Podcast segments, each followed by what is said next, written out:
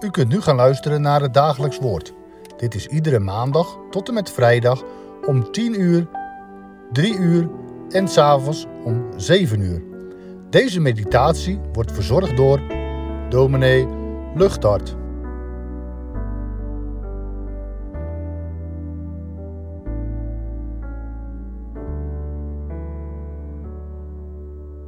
We lezen vandaag Marcus 3, vers 1 tot en met 6. Marcus 3, vers 1 tot en met 6. En Jezus kwam opnieuw in de synagoge. En er was daar iemand die een verschrompelde hand had. En ze letten scherp op hem om te zien of hij hem op de sabbat genezen zou, omdat ze hem zouden kunnen beschuldigen. En hij zei tegen de man die de verschrompelde hand had: Sta op en ga in het midden staan. En hij zei tegen hen: Is het geoorloofd op sabbatdagen goed te doen of kwaad te doen? Een mens te behouden of te doden? En ze zwegen. En nadat hij rondom toornig aan, hen rondom toornig aangekeken had, tegelijk bedroefd over de verharding van hun hart, zei hij tegen de man: Steek uw hand uit. En hij stak hem uit en zijn hand werd hersteld, gezond als de andere. En toen de fariseeën weggegaan waren, beraadslaagden zij meteen met de Herodianen tegen hem hoe ze hem om zouden kunnen brengen. Tot zover de lezing uit het Marcus-evangelie voor vandaag. De situatie rond Jezus wordt steeds grimmiger. Het begon allemaal zo mooi. In Marcus 1 lazen we hoe er in heel Galilea met verwondering over Jezus gesproken werd en hoe het volk massaal op hem afkwam, vooral om de wonderen die hij deed, maar toch ook wel om zijn onderwijs. Maar in Marcus 2 komt daar ook een ander geluid bij. Ontstaat er ook gemopper? Groeit er steeds meer kritiek? Niet zozeer bij het volk, maar vooral uit de hoek van de geestelijke leiders van het volk, de schriftgeleerden en de fariseeën. Waarom spreekt deze op die manier godslasteringen? zeiden ze tegen elkaar toen Jezus de verlamde man die door zijn vrienden bij hem werd gebracht zijn zonde vergaf. En toen Jezus bij Levi in huis was en daar ook de maaltijd gebruikte, vroegen ze zich hardop af: waarom eet en drinkt hij met tollenaars en zondaars? En wordt hun kritische commentaar bij Jezus doen en laten en dat van zijn discipelen steeds groter. Waarom vasten de discipelen van Johannes en de Fariseeën wel en waarom vasten uw discipelen niet? Waarom doen zij, uw discipelen, op de Sabbat iets wat niet geoorloofd is? Het is duidelijk, men krijgt steeds meer moeite met die Jezus van Nazareth. De vragen worden steeds kritischer wie denkt hij wel niet dat hij is? Hij doet dingen die je helemaal niet hoort te doen. En vandaag in Marcus 3 lezen we dan dat ze nu zo ver zijn dat ze hem willen stoppen. En daarom zoeken ze heel bewust naar bewijs om hem te kunnen veroordelen. Om hem om te kunnen brengen zelfs, zo we in het laatste vers. Jezus, hij moet sterven. Het is voor het eerst dat daar in het Marcus-evangelie openlijk over gesproken wordt, dat de fariseeën en de schriftgeleerden daarop uit zijn. De situatie lijkt dus helemaal omgeslagen te zijn.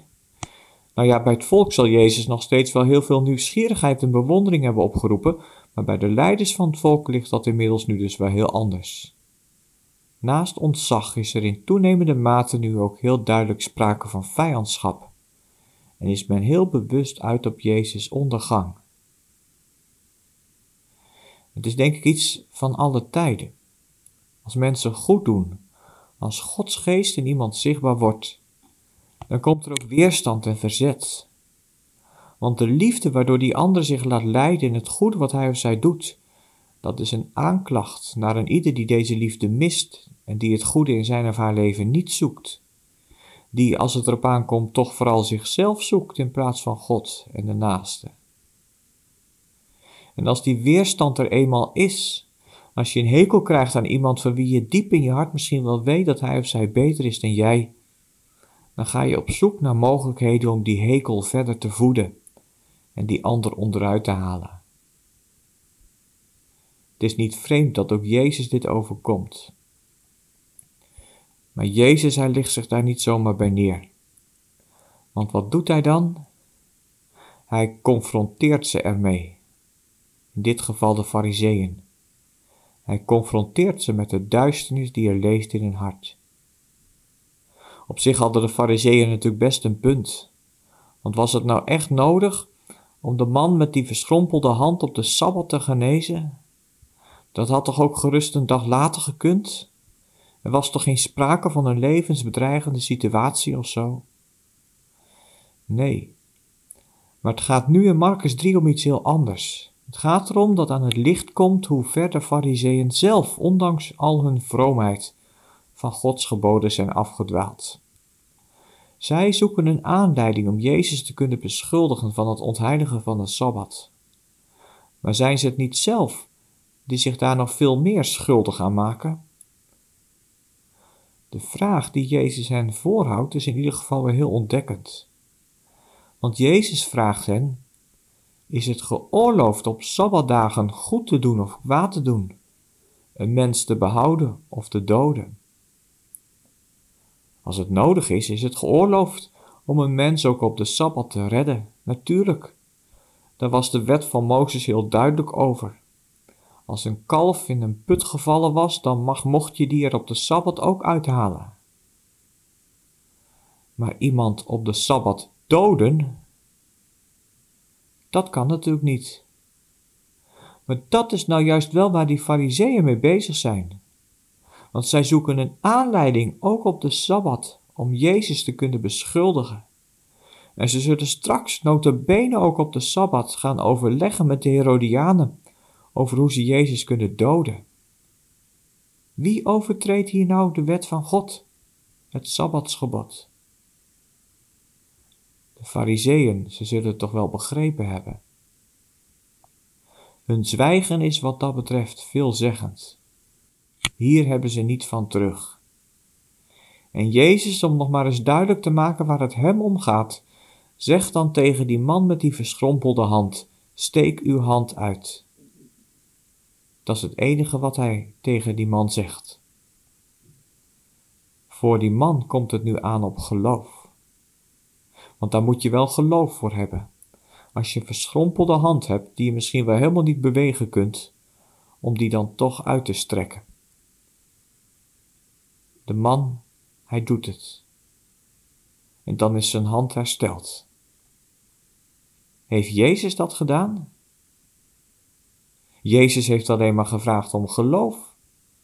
Geloof waardoor een mens behouden kan worden. Steek uw hand uit. En hij deed het. Dat vraagt Jezus nou ook van ons. Of het nou sabbat is, of zondag, of gewoon vrijdag. Wie in mij gelooft, zal leven. Daar komt het voor ons allemaal op aan. Dat leven, daar gaat het Jezus om. De Fariseeën, zij zwijgen. Zij moeten het toch wel begrepen hebben dat Jezus hen wijst op hun eigen overtreding van Gods wet. Ze zwijgen. Maar ze bekeerden zich niet. Dat is aangrijpend. Wel op de zonde in je leven gewezen, maar daar niet aan te willen. Dat weg te drukken en te volharden in het kwaad. Laat dit toch niet de uitkomst zijn van uw leven. Maar steek uw hand uit naar Hem, in wiens naam er redding is. Redding en leven. Jezus zegt: wie gezond zijn, hebben geen dokter nodig, maar wie ziek zijn. Ik ben niet gekomen om rechtvaardigen tot bekering te roepen, maar zondaars. Als u, als jij, jezelf zo'n zondaar weet, wend je dan tot Hem. Bekeer u en geloof het evangelie. Amen.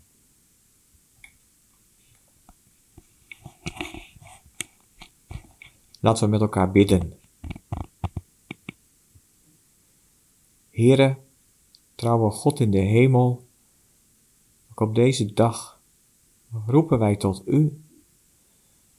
We danken U voor deze dag, voor wat U geeft ook vandaag. En we, bidden, we danken U ook voor Uw woord. We bidden U of U dat woord ook vruchtbaar wil doen zijn in ons leven. We danken U, Heer Jezus, dat U in deze wereld kwam om goed te doen, om mensen in het leven te behouden. Heere, bewaar ons ervoor dat wij ons daartegen zouden verzetten, dat ons, ook ons hart zich zal verharden. Heere, wilt u ons door de kracht van uw Heilige Geest week maken onder uw genade en ontferming. En ons hart openen voor uw woord, dat we onze handen uitstrekken naar u toe in geloof en het van u verwachten zullen. Heere, we danken u voor uw trouw, uw genade, uw opzoekende zondaarsliefde, voor de hoop die er is in uw naam. En wij bidden u dat ook wij tekenen van uw koninkrijk mogen zijn, wie uw liefde zichtbaar mag worden in deze wereld. We bidden u u ons daar dan ook in wilt bevestigen en bemoedigen. Sterk ons op deze dag, bij alles wat er ook vandaag weer aan de hand is, ook in de wereld om ons heen. We bidden voor land en volk, in verwarring, in nood. Heere God, wilt u uitkomst geven.